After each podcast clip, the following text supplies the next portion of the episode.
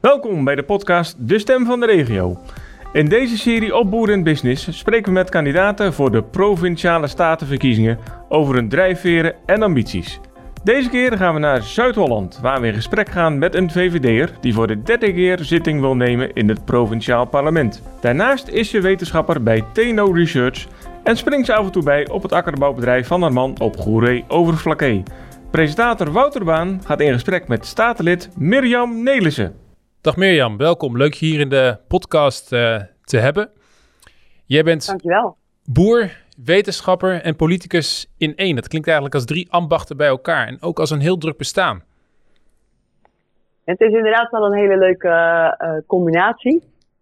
Ik ben uh, in het dagelijks leven wetenschapper en, en daarnaast zit ik in Provinciale Staten. ja, en mijn man die heeft dus een, een akkerbouwbedrijf. Uh, ik wil niet zeggen dat ik, uh, uh, dat ik daar heel veel uren werk, maar ik denk natuurlijk altijd wel mee met het bedrijf. Dus vandaar de boerin, maar dan tussen aanhalingstekens altijd. Tussen aanhalingstekens. En als de nood, nou ja, als het noodzakelijk is, dan een rondje op de trekker, dat zou nog kunnen? Bij wijze ja, van? Ik, heb, ik heb zelfs mijn ooit, ooit gehaald. En ik zit minimaal één dag per jaar op de trekker als er gehooid moet worden. Kijk, dat klinkt goed. Ik ga zo meteen uh, met je praten over je politieke functie, want daar gaat deze podcast uh, tenslotte over. Maar ik wilde ook even weten, jouw wetenschappelijke uh, functie bij TNO Research. Kun je daar eens wat meer over vertellen? Wat houdt die functie precies in? Ja, ik ben senior consultant op het gebied van civiele constructies. Dus ik werk aan de, aan de veiligheid van um, aan bijvoorbeeld tunnels, sluizen, stormvloedkeringen. Nou, daar heb je er in Zuid-Holland genoeg van daar hebben we er in heel Nederland genoeg van. En er zijn, uh, er zijn inderdaad veel vraagstukken op, uh, op dat vlak. Um, yeah. Maar daar hou ik me natuurlijk in de politiek niet mee bezig. Nee, oké. Okay. Politiek heeft, uh, heeft andere prioriteiten. Maar een gemiddelde werkdag van jou, kun je schetsen hoe die eruit ziet? Ja, ik, um, ik werk vier dagen per week als wetenschapper. Um, en in, de, in de avonden zijn dan bijvoorbeeld vaak fractievergaderingen of uh, commissievergaderingen of statenvergaderingen. Statenvergaderingen zijn ook wel overdag. Ja. Yeah. Um, en uh, ja, je moet natuurlijk uh, zorgen dat je je stukken leest. Um, ik hou de, de, mensen die mij volgen graag op de hoogte via social media over wat ik, wat ik doe in, in de provinciale staten. Dus daar gaat ook een stukje van mijn tijd naartoe. Yeah. En ja, ik hou goed contact met, ook met mijn achterban. Heel veel doe ik via WhatsApp. Um, en in het, uh, uh, op vrijdag of in het weekend uh, is het natuurlijk een mooie tijd voor, voor werkbezoeken of gesprekken met inwoners van Zuid-Holland. Want ik denk dat voor veel mensen dat lastig is om in te schatten. Hoe druk ben je nou als, als statenlid? Hoeveel uren in de week slokt dat op? Nou, dat is best een, best een behoorlijk tijdsbeslag. En zeker nu in campagnetijd is er eigenlijk helemaal weinig tijd voor, voor andere zaken. Al mijn, ja, mijn hele focus gaat, gaat daarnaar uit. Um, maar ja, uh, uh, het is best een uh, behoorlijk tijdsbeslag. Er zijn onderzoeken gedaan. Ik heb het zelf nooit, nooit bijgehouden, maar er zijn onderzoeken gedaan onder statenleden en die komen aan een 20 tot 25 uur per week. En dat is toch wel significant. Jij bent de afgelopen vier jaar ben jij, in, in, heb je in de Staten gezeten van Zuid-Holland. En de, die, de periode daarvoor ook. Dus nu in totaal acht jaar. Je stelt ze nu opnieuw verkiesbaar. Uh, voor de VVD. Hoe ben je eigenlijk ooit in de politiek terechtgekomen? Ja, ja ik, ik zit er inderdaad nu, uh, nu acht jaar in. En ik, uh, ik sta ook voor de, nou ja, voor de komende verkiezing op, op nummer acht. Dat is een mooie, mooie toevalligheid. Symbolisch, ja. Ja. Um, hoe ben ik ooit in de politiek terechtgekomen? Um, eigenlijk ben ik altijd al wel politiek geïnteresseerd geweest. Um, als tiener ook al betrokken geweest bij de VVD. Ja. Uh, daarna is dat wat, dat daar wat meer afstand toegenomen. En op een gegeven moment toen uh, zag ik dat een, ja, een, een TNO-rapport, wat aan de basis lag voor een, voor een politiek besluit. dat er eigenlijk een besluit was, werd genomen wat ik niet kon volgen op basis van, van de feiten die daaronder lagen. En toen dacht ik, hoe kan dat nou dat dat uh, dat dat zo gebeurt. Dus toen ben ik me toch weer wat meer uh, gaan interesseren voor die, uh, voor die politiek. Mm -hmm. En eigenlijk in diezelfde periode was de herindeling van de gemeente waar ik ben geboren en getogen. Dus ik kom van uh, Goeree Overflakkee. Uh, ben daar geboren en getogen. Uh, heb ik gestudeerd in Delft en daar ook gewoond. En daarna toch weer terug op, op Goeree Overflakkee gaan wonen. En die herindeling die maakte nogal wat emoties los. Ehm, en op een gegeven moment kwam daar Edith Schippers op een avond. en Edith Schippers die hield daar een, een, een, heel mooi betoog en bleef daarna nog voor, nou ja, ik zal maar zeggen, de welbekende bier- en bitterballen bij de VVD. Toen werd het pas echt gezellig. ja.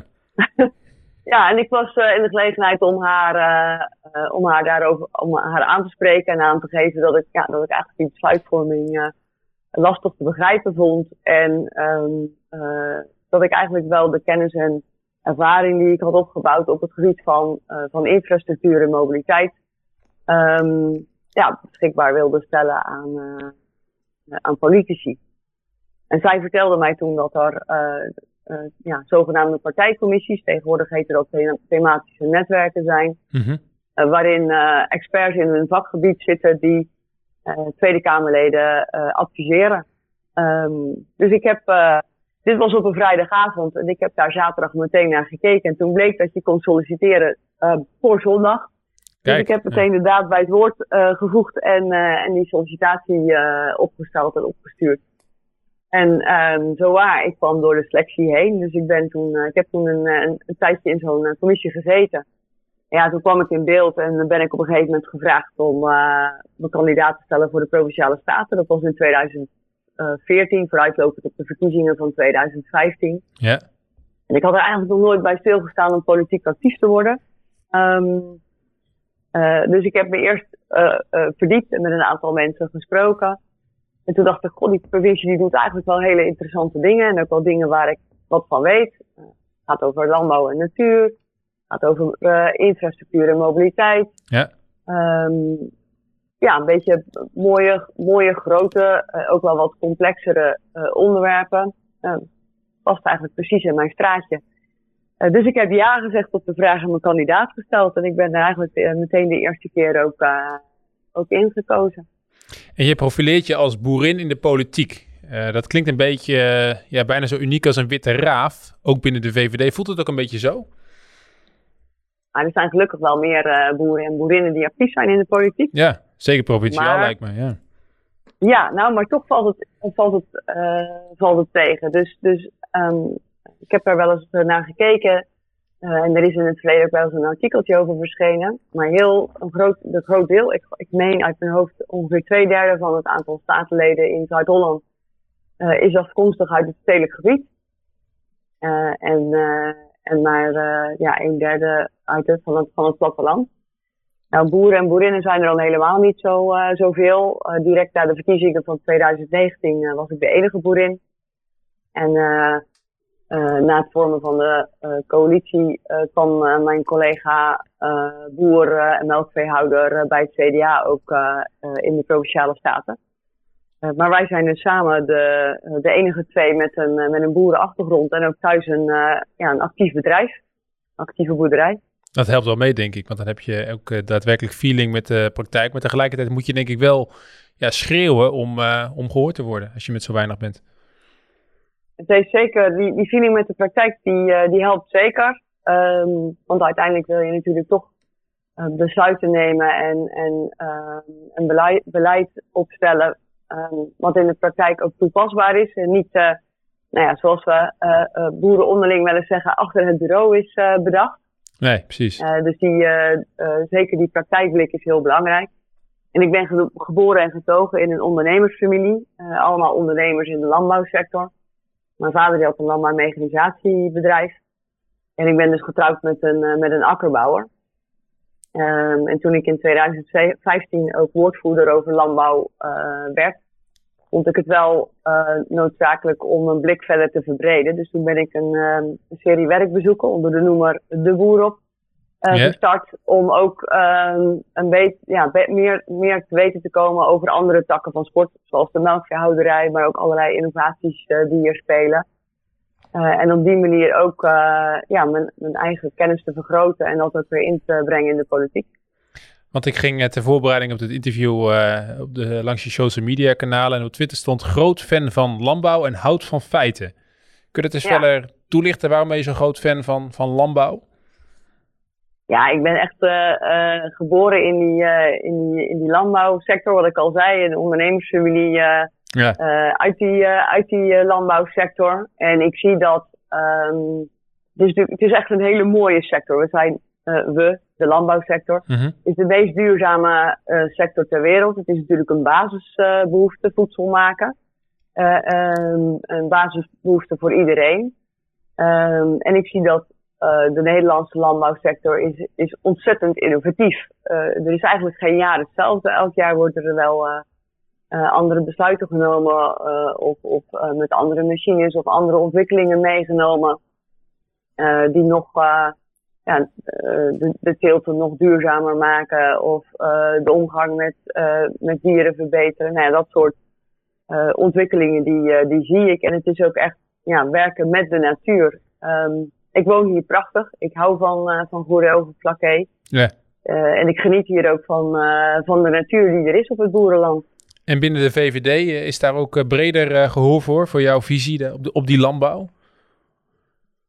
Ja, zeker. wat je ziet is natuurlijk dat, dat ja, op het platteland dat die landbouw ook echt een drager is van het landschap, maar ook bijdraagt aan, aan de economie. Mhm. Er zijn natuurlijk heel veel banen die ook afhankelijk zijn van, ja, het is natuurlijk een primaire sector. Dus die daar ook van afhankelijk zijn. Uh, je ziet ook dat, dat heel veel van de sociale cohesie samenhangt met de landbouw. denk maar aan de open dagen, de kijk bij de boer, de kom in de kas. Ja. maar ook de landbouwwagens die beschikbaar worden gesteld om met Koningsdag de kinderen rond het dorp te rijden.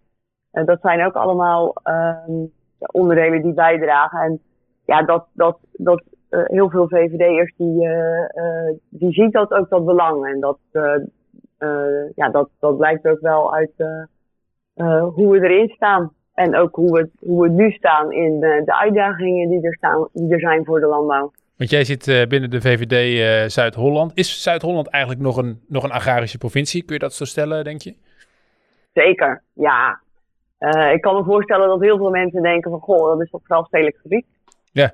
Maar uh, qua grondoppervlak is meer dan de helft uh, in gebruik als, als landbouwgebied. In het zuiden hebben we natuurlijk de Zuid-Hollandse eilanden, waar relatief veel akkerbouw is. Um, in het oosten de, het veen, veenweidegebied, het Groene Hart, waar vooral veel melkveehouderij is.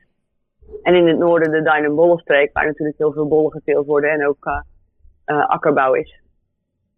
Dus in die zin nog voldoende boeren, boerenroots in Zuid-Holland.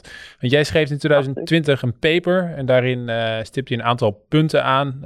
onder andere dat eigenlijk de opbrengstprijzen in de, in de akkerbouw te laag zijn om het vol te kunnen houden. Eigenlijk moet de opbrengstprijs omhoog. Dat is wat je, wat je schetste. In hoeverre ja. is dat noodzakelijk om als boer te blijven bestaan? Ja, dat, dat artikel op LinkedIn dat is al van 2020. Uh, maar ik zie dat eigenlijk nog steeds uh, zo. Dus het is nu bijna drie jaar la later. Ehm, maar um, ja, die, die lastige uitdaging die is er eigenlijk nog steeds. Maar ik zie daar ook wel oplossingen voor. Zoals? wat, je ziet, nou, wat je ziet in Nederland is dat de concurrentie dus inderdaad vooral op, op prijs is. Yeah. Maar ook dat het de meest duurzame sector ter wereld is. Dus je zou die duurzame teelt juist moeten belonen. Want als je bijvoorbeeld kijkt naar de CO2-impact uh, per kilo product, uh, dan is het eigenlijk vreemd, en ook gewoon de, überhaupt de footprint uh, per kilo product, dan is het eigenlijk vreemd dat zo'n duurzame sector moet concurreren op prijs. We moeten echt trots zijn op die Nederlandse producten en ook echt die Nederlandse producten eten. Dus dat is echt een oproep die ik wil, wil doen aan, aan consumenten. Kies voor Nederlandse producten. Maar we hebben natuurlijk niet zo'n eetcultuur als, uh, als bijvoorbeeld, nou ja, noem maar Frankrijk of Italië. Yeah. Um, waar inwoners echt um, dol zijn op uh, wat er lokaal is, uh, is gemaakt. En dat is altijd beter dan, die, dan wat uit het buitenland komt. Die discussie die wil je eigenlijk niet voeren met een, met een Fransman of met een Italiaan. Nee. En dat zou eigenlijk in Nederland zou dat heel mooi zijn als we dat wat meer krijgen. Die trots op die Nederlandse producten. En die ook kiezen ten opzichte van, van producten uit het, uit het buitenland. Ja, aan de andere nou, kant. Ander, aan, de oh, an- ja. aan, aan de andere kant kun je stellen van we leven op een, op een vrije markt. En ja, daar komt de prijs nou eenmaal tot stand zoals die tot stand komt. Dat is een beetje Ja. Uh, het vrije marktprincipe waar ook de VVD groot voorstander van is. Dus ja, zo zou je ook kunnen redeneren. Nou wilde ik eigenlijk net, uh, dat overstapje, dat, uh, dat wilde ik net maken. Um, uh, maar die vrije markt is in de landbouwsector niet zo heel vrij. Het is natuurlijk een, het is een wereldmarkt waar, waar men op speelt. Um, en als je alleen al kijkt naar Nederland, dan zijn er um, heel veel supermarkten. Mm -hmm. En dan maar zes inkopers die inkopen doen voor die supermarkten.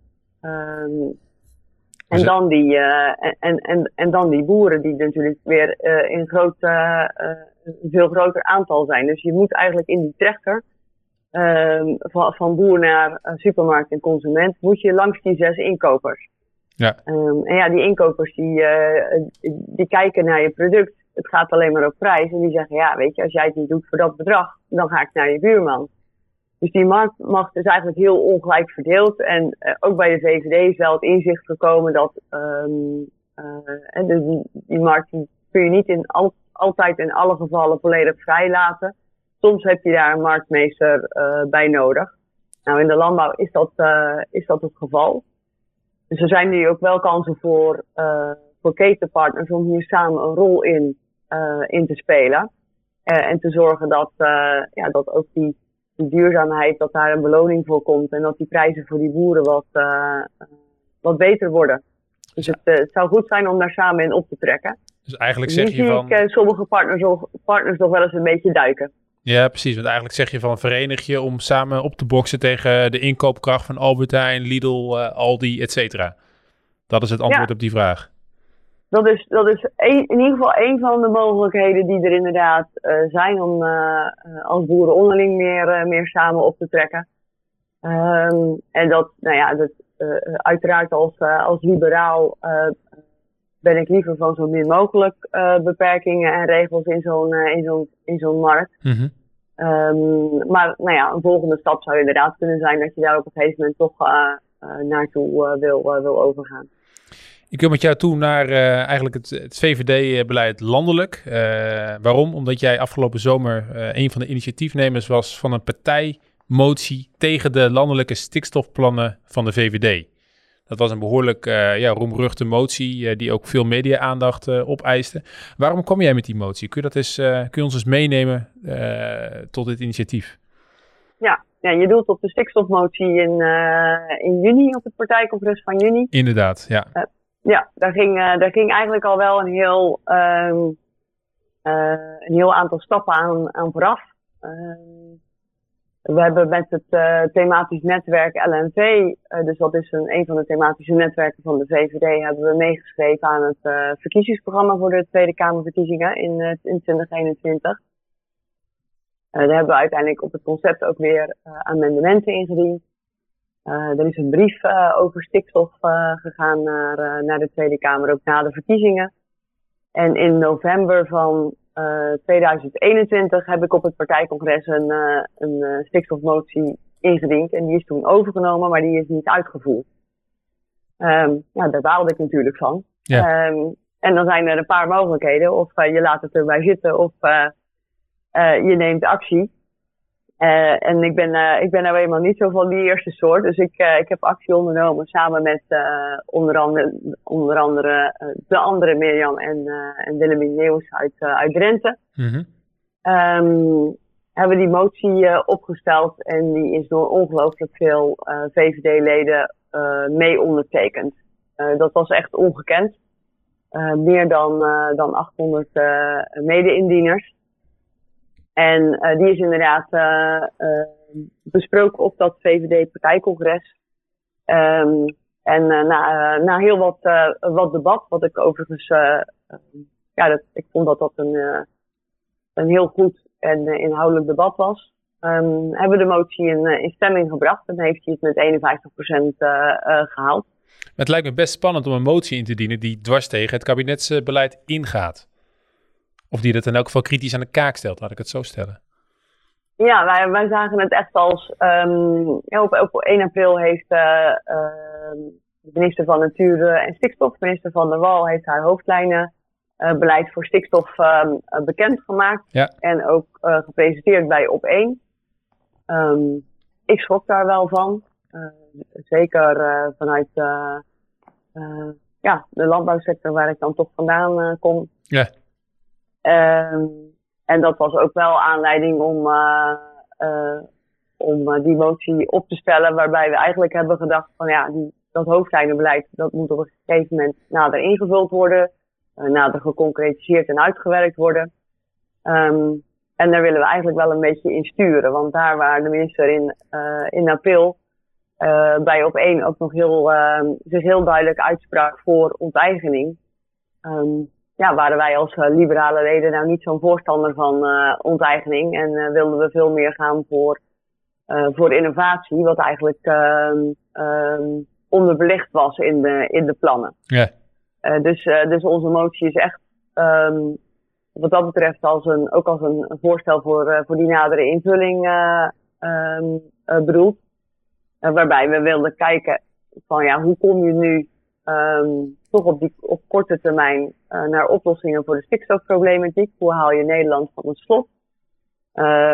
waarbij je wel recht doet aan het belang van de natuur, maar zonder dat je zoals we het hebben genoemd, het kind met het badwater uh, weggooit. En um, door die grootschalige onteigening uh, ja, je hele boerensector, je hele landbouwsector en daarmee ook het platteland ja, kaalslag pleegt eigenlijk. Daar vrees je voor. Want andere landbouwprominenten binnen de VVD, als bijvoorbeeld Jan, Drink, Jan Brink in Drenthe en Gertjan Oplaat in Overijssel, die zeiden hun, hun lidmaatschap op. Heb jij dat ook overwogen om de VVD de rug toe te keren? Ik heb dat op geen moment uh, overwogen. Ik ben een liberaal in hart en nieren. Ja. Yeah. Um, en ik vind het belangrijk dat, om, om in gesprek te blijven en op de inhoud te overtuigen. Um, en dat, eigenlijk is die motie ook de aanleiding geweest om um, de afgelopen tijd continu met elkaar in gesprek te blijven. Dus ik heb vorige week nog met de minister, de minister van der Wal en met het Tweede Kamerlid op Landbouw en Stikstof, dat is Tom van Kampen van de VVD. Ja, ja uh, om de tafel gezeten.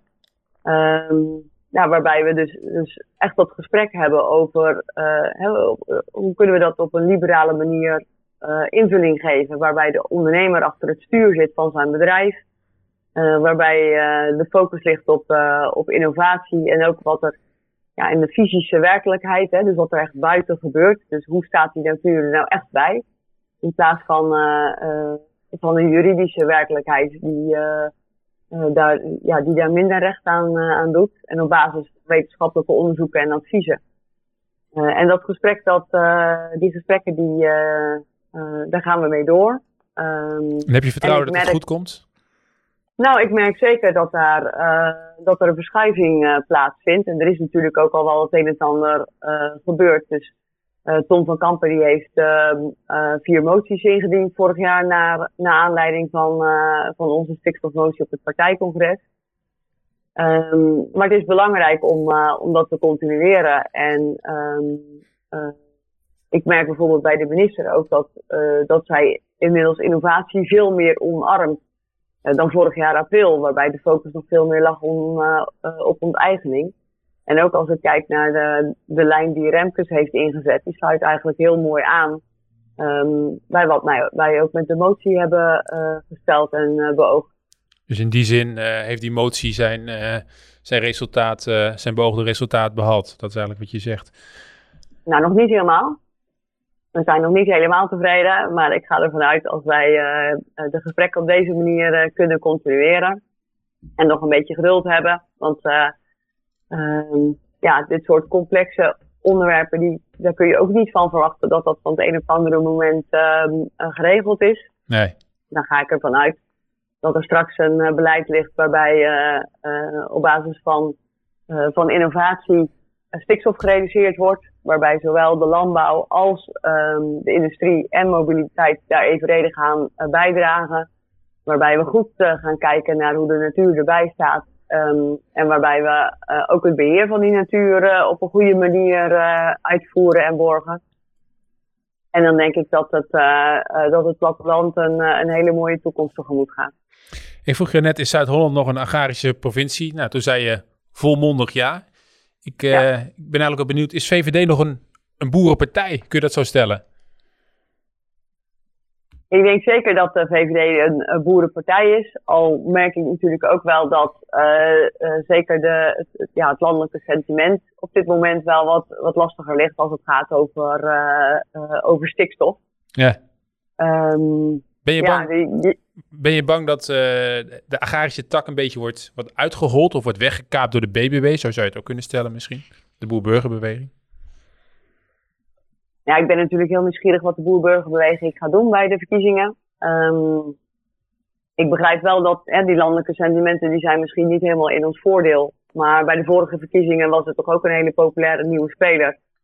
Uh, en ondanks de populariteit van Forum toen hebben we toen toch ook uh, tien zetels weten te behalen. Nou, nu is die nieuwe speler dus BBB. Ja. Um, we gaan zien uh, wat, dat, wat dat gaat brengen. Maar ja, aangezien we als VVD toch vier jaar lang geleverd hebben. Um, en ik voor mezelf kan zeggen dat, dat ik op mijn dossiers ook alles heb gerealiseerd. Dan um, heb ik er wel vertrouwen in dat, dat we ook samen met BBB kunnen optrekken in de toekomst. Want wat dat betreft denk ik dat we dat zowel BBB als de VVD op het thema van stikstof en en landbouw allebei het goede voor hebben met, met de landbouwsector. En ook allebei willen inzetten op, op innovatie en, en indien mogelijk geen onteigening. Dus wat dat betreft denk ik dat we elkaar wel kunnen vinden, ja. In die zin zijn er raakvlakken. Want als je kijkt naar de situatie in Zuid-Holland, dat, is dat is jouw provincie. Jullie zijn nu de, de grootste op basis van de verkiezingen afgelopen in 2018. 2019 was dat volgens mij. Hoe, uh, hoe liggen jullie kansen dit jaar? Wat verwacht je van de uitslag? Kun je daar wat, uh, al wat over zeggen? Ja, wij, zijn, wij waren niet de grootste in 2019, want Forum was de grootste. Die hadden toen 11 zetels. Ah, dat scheelde één zetel dan? Ja, die hadden één zetel meer. Uh, maar die vielen vrij snel uh, uit elkaar. Ah, oké. Okay. Ehm, en en zijn, hebben nu nog maar drie zetels. Dus wat, ja, wat dat betreft zijn we inmiddels, ja, na, dat, na dat uiteenvallen, wel de grootste partij van, van Zuid-Holland. En op koers um, voor, voor een, om opnieuw de koppositie in te nemen, denk je?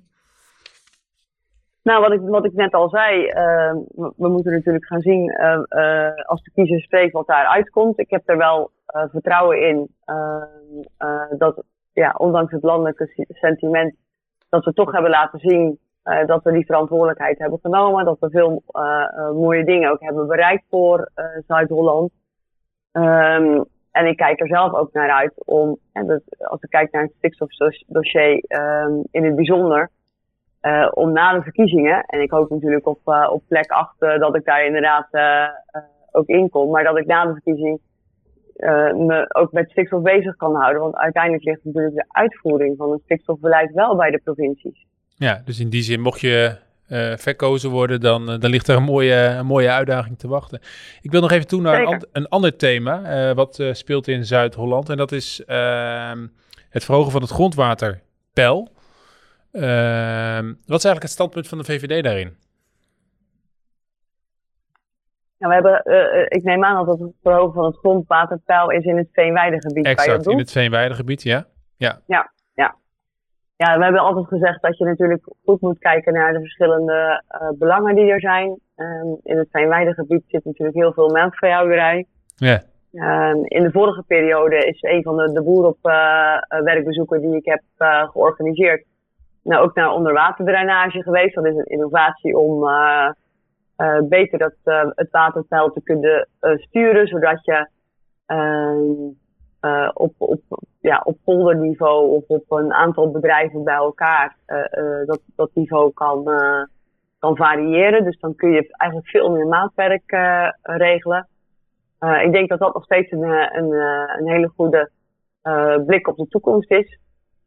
En naar wat ik heb begrepen, um, is het echt een heel dun lijntje. Um, tussen de bruikbaarheid van, van het land en het water ook weer te hoog opzetten. Want dan schijnen er toch ook allerlei ongewenste ehm, gassen vrijkomen die bijdragen aan, CO2. aan CO2 in de atmosfeer. Dus ja, wat dat betreft denk ik belangrijk om, aan, ja, om goed voeling te houden met de wetenschappelijke onderzoeken die op dit moment ook worden uitgevoerd op dat vlak. Uh, en daarbij uh, aan te sluiten met het beleid wat we, uh, wat we daarop moeten gaan uitvoeren. Maar wat dat betreft zijn er ook nog best wel wat, wat onbekende. En Zuid-Holland investeert heel veel geld momenteel in nadere onderzoeken naar veenweidegebied, de CO2-uitstoot en wat je daartegen kan, kan doen. Dus eigenlijk pleit je voor, uh, voor maatwerk. En een ander thema wat ik nog wil uh, bespreken tot slot is eigenlijk uh, ja, de bouw van woningen. Waar ook in Zuid-Holland een flinke, flinke, flinke opdracht ligt. 260.000 woningen moeten erbij komen. Als ik ook het VVD-partijprogramma lees in de komende jaren. Dan zou je zeggen dat gaat ten koste van landbouwareaal. Is dat ook zo, denk je?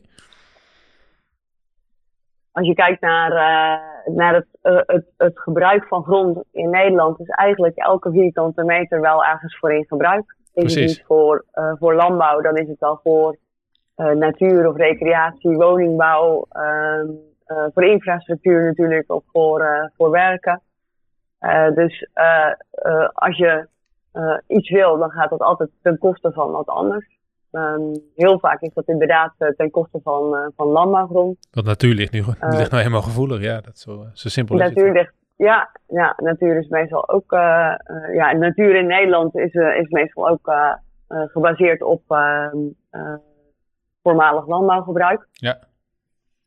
Um, wij zetten vooral in om indien mogelijk eerst zoveel mogelijk natuurlijk, ja, wat we dan noemen in te breiden, maar binnen de bebouwde kom te bouwen. Um, en op het moment dat we daar, uh, daar niet genoeg aan hebben om dat uh, te doen aan de randen van de dorpen en de steden.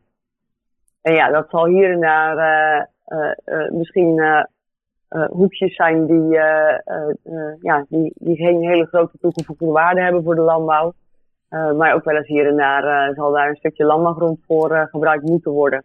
Dat is niet Helaas kan dat niet anders. Nee, precies. Tot slot, ja, 15 maart verkiezingen. We zitten in uh, campagnetijd, uh, denk ik wel, dat het zo langzaam zeker los gaat barsten. Hoe ga jij de komende weken de kiezer proberen te overtuigen? Ga je nog de provincie in of wat, wat zijn je plannen?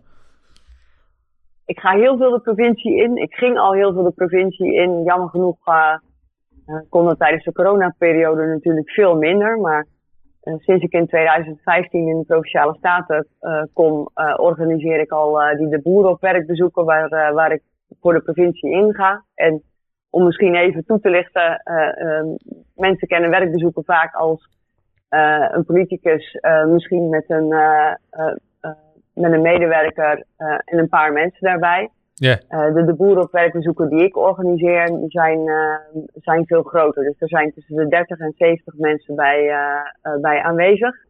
En dat zijn mensen uit de sector, dus uit de landbouwsector in veel gevallen. En aan de andere kant uh, VVD'ers. En dat zijn VVD'ers uh, leden uit Zuid-Holland. Uh, maar vaak is er bijvoorbeeld ook een Europarlementariër bij of een Tweede Kamerlid die het onderwerp in, in zijn portefeuille of haar portefeuille heeft. En lokale raadsleden of wethouders. Dus um, bereik je direct veel mensen. We, ja. ja, maar we proberen ook echt um, de actualiteit en het, het, lijntje met de politiek te pakken over die verschillende niveaus heen. Dus we hadden bijvoorbeeld afgelopen week een werkbezoek aan we zijn in Bollenstreek over de toekomst van de bollensector. En de week daarvoor op Voor en Putten over, de stikstof, over stikstof. Ja. daar was bijvoorbeeld Tom van Kampen bij. En um, afgelopen week Failliet Minnas van, de, vanuit de Tweede Kamer. Um, en dan zie je dat je ook heel mooi dat lijntje kan maken met en wat, wat ligt er op het bordje van de provincie, wat ligt er op het bordje van de Tweede Kamer en eventueel ook van, van Brussel. En hoe kun je met die lijntje, korte lijntjes uh, ja, het probleem zo goed mogelijk oplossen. Het leuke van de werkbezoek is, is dat er na afloop eigenlijk altijd wel even de tijd en de gelegenheid is voor een, uh, voor een borrel. En ik krijg vaak terug dat, ja, dat die gelegenheid tot netwerken vaak heel positief wordt ervaren voor politici om met ondernemers en andersom in gesprek te kunnen gaan. Dus dat is een van de dingen die ik, die ik de komende weken zeker nog meer ga doen. Ehm, ik, ben, ik ben actief op social media, wat ik eerder al zei. En ik ben ook een heel benaderbaar statenlid. Uh, dus ik hoop dat mensen ook echt uh, zullen aansluiten, bijvoorbeeld bij een de boer of bezoek, of gewoon laagdrempelig met mij contact opnemen via de social media kanalen. Want ik ga heel graag met mensen in gesprek, digitaal of op locatie. En als je dan een kiezer. Dus op die manier hoop ik heel veel mensen te bereiken. Als je dan een kiezer in drie zinnen moet overtuigen waarom die 15 maart op, op de VVD moet stemmen, dan zeg jij? Nou, iedereen die zal zich natuurlijk aan het VVD-verkiezingsprogramma uh, houden. Maar mijn kennis over het complexe uh, stikstofdossier is wel echt een, uh, een pre. Ook juist om niet alles eenzijdig bij de landbouw neer te leggen. maar ook samen met mobiliteit en industrieproblemen aan te pakken. En de dossierkennis die ik heb zorgt ervoor dat ik goed in staat ben om ook alternatieven en oplossingen aan te dragen. Um, en daarmee ook echt impact te hebben. En daarnaast ben ik gewoon heel uh, zichtbaar en benaderbaar. En, en, niet enkel tijdens verkiezingstijd, maar ook uh, de rest van de periode. Ook de rest van de periode, dat is misschien nog wel belangrijk. Mirjam, bedankt voor dit gesprek ja. en veel succes uh, de komende week met, met je campagne op naar 15 maart. En ik zou zeggen, maak er, maak er iets moois van. Dankjewel. Dit was de Boerenbusiness Podcast, de stem van de regio, met Mirjam Nelissen kandidaatlid voor de Provinciale Staten in Zuid-Holland. Zij werd geïnterviewd door Wouter Baan van boerenbusiness.nl. Hou onze site in de gaten voor meer afleveringen. Bedankt voor het luisteren en tot een volgende keer.